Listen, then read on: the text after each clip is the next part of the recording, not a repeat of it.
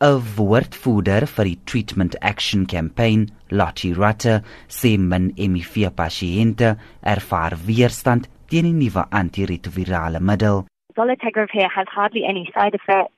It's very effective at suppressing HIV and it has a remarkably good protection against developing drug resistance.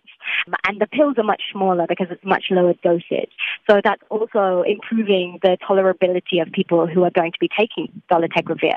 So it makes it easier for people to adhere to their treatment and reduces the amount of people who will need to switch to a second line regimen. Die teenmiddel is ook goedkoper. They've said that this should be capped which means it should be a maximum price of 75 US dollars a year. And currently, that medicine alone costs that much. And it's going to be the three drug regimen that's going to be made available for $75 a year as a maximum. We could be able to see further cost reductions with the introduction of multiple generic suppliers into the market who will compete and force the price to come down even further.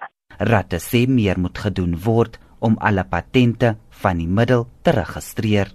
So at the minute, we don't have generic dolutegravir registered in the country, and obviously we need to have all of our medicines need to be checked for quality and safety within the regulatory authority.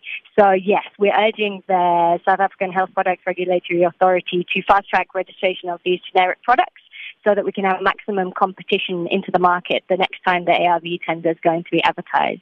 Dit was Lottie Rutter, 'n woordvoerder vir die Treatment Action Campaign, Jean Estreisen, SA Kanis.